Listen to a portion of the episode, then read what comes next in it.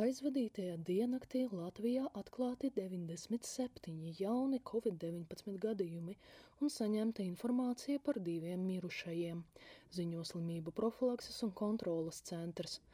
Abi mirušie bija vecāki par 60 gadiem.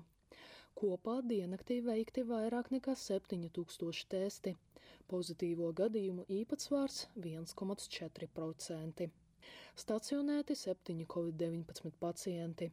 Kopā slimnīcās ārstējas 47 pacienti, no kuriem astoņi ir smagā stāvoklī. Absolūts vairākums no jaunajiem covid-19 pacientiem jūnijā un jūlijā nebija vakcinēti vai bija ar nepabeigtu vakcinācijas kursu, ziņo slimību profilakses un kontrolas centrs. Jūnijā no vairāk nekā 4000 saslimušo vakcinēti bija 88 cilvēki. SPKC atzīmē, ka viņu slimības gaita bija vieglāka un kopumā vakcinētie saslimst rētāk. Stacionāros nonāca seši pilnībā vakcinētie pacienti ar covid-19. Lielāka daļa no viņiem bija vecāka gadu gājuma cilvēki ar vairākām blakus slimībām, bet miris ir viens vakcinētais. Viņš bija vecāks par 80 gadiem, un viņam bija vairākas hroniskas slimības. Kopā jūnijā mīra 117 pacienti ar covid-19. Saima pieņēma izskatīšanai likumprojektu par tiesībām atlaist darbinieku, ja viņam nav Covid-19 certifikāta. Atbildīgā Saimas komisija atbalstīja šo likumprojektu pirmajā lasījumā. Saimai būs jālemj, vai atzīt likumprojektu par steidzamo. Valsts kancelēs direktors Jānis Ciskovskis komisijas sēdē uzsvēra, ka likumprojekts neparedz obligātu sabiedrības vakcināciju, bet nosaka, ka sniedzot konkrētus pakalpojumus cilvēkam ir jābūt vakcinētam.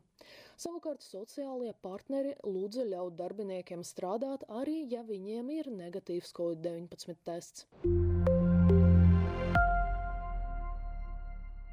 Saimas vairākums atbalstīja jaunās konservatīvās partijas ierosinājumu izslēgt vakcinācijas loteriju no parlamenta darba kārtības. Jaunās konservatīvās partijas deputāts Krišjānis Feldmanis atzīmēja, ka citās valstīs šādas loterijas nebija efektīvas, kā arī tā neatrisina vairākas ar vakcināciju saistītas problēmas, piemēram, dezinformācijas izplatību. Lietuvas valdība grib ļaut iedzīvotājiem bez Covid-19 certifikāta iepirkties tikai mazajos veikalos, kā arī aizliegt viņiem apmeklēt pasākumus iekštelpās un ēdināšanas iestādes, ziņo Leta. Ierobežojumi varētu stāties spēkā 13. septembrī.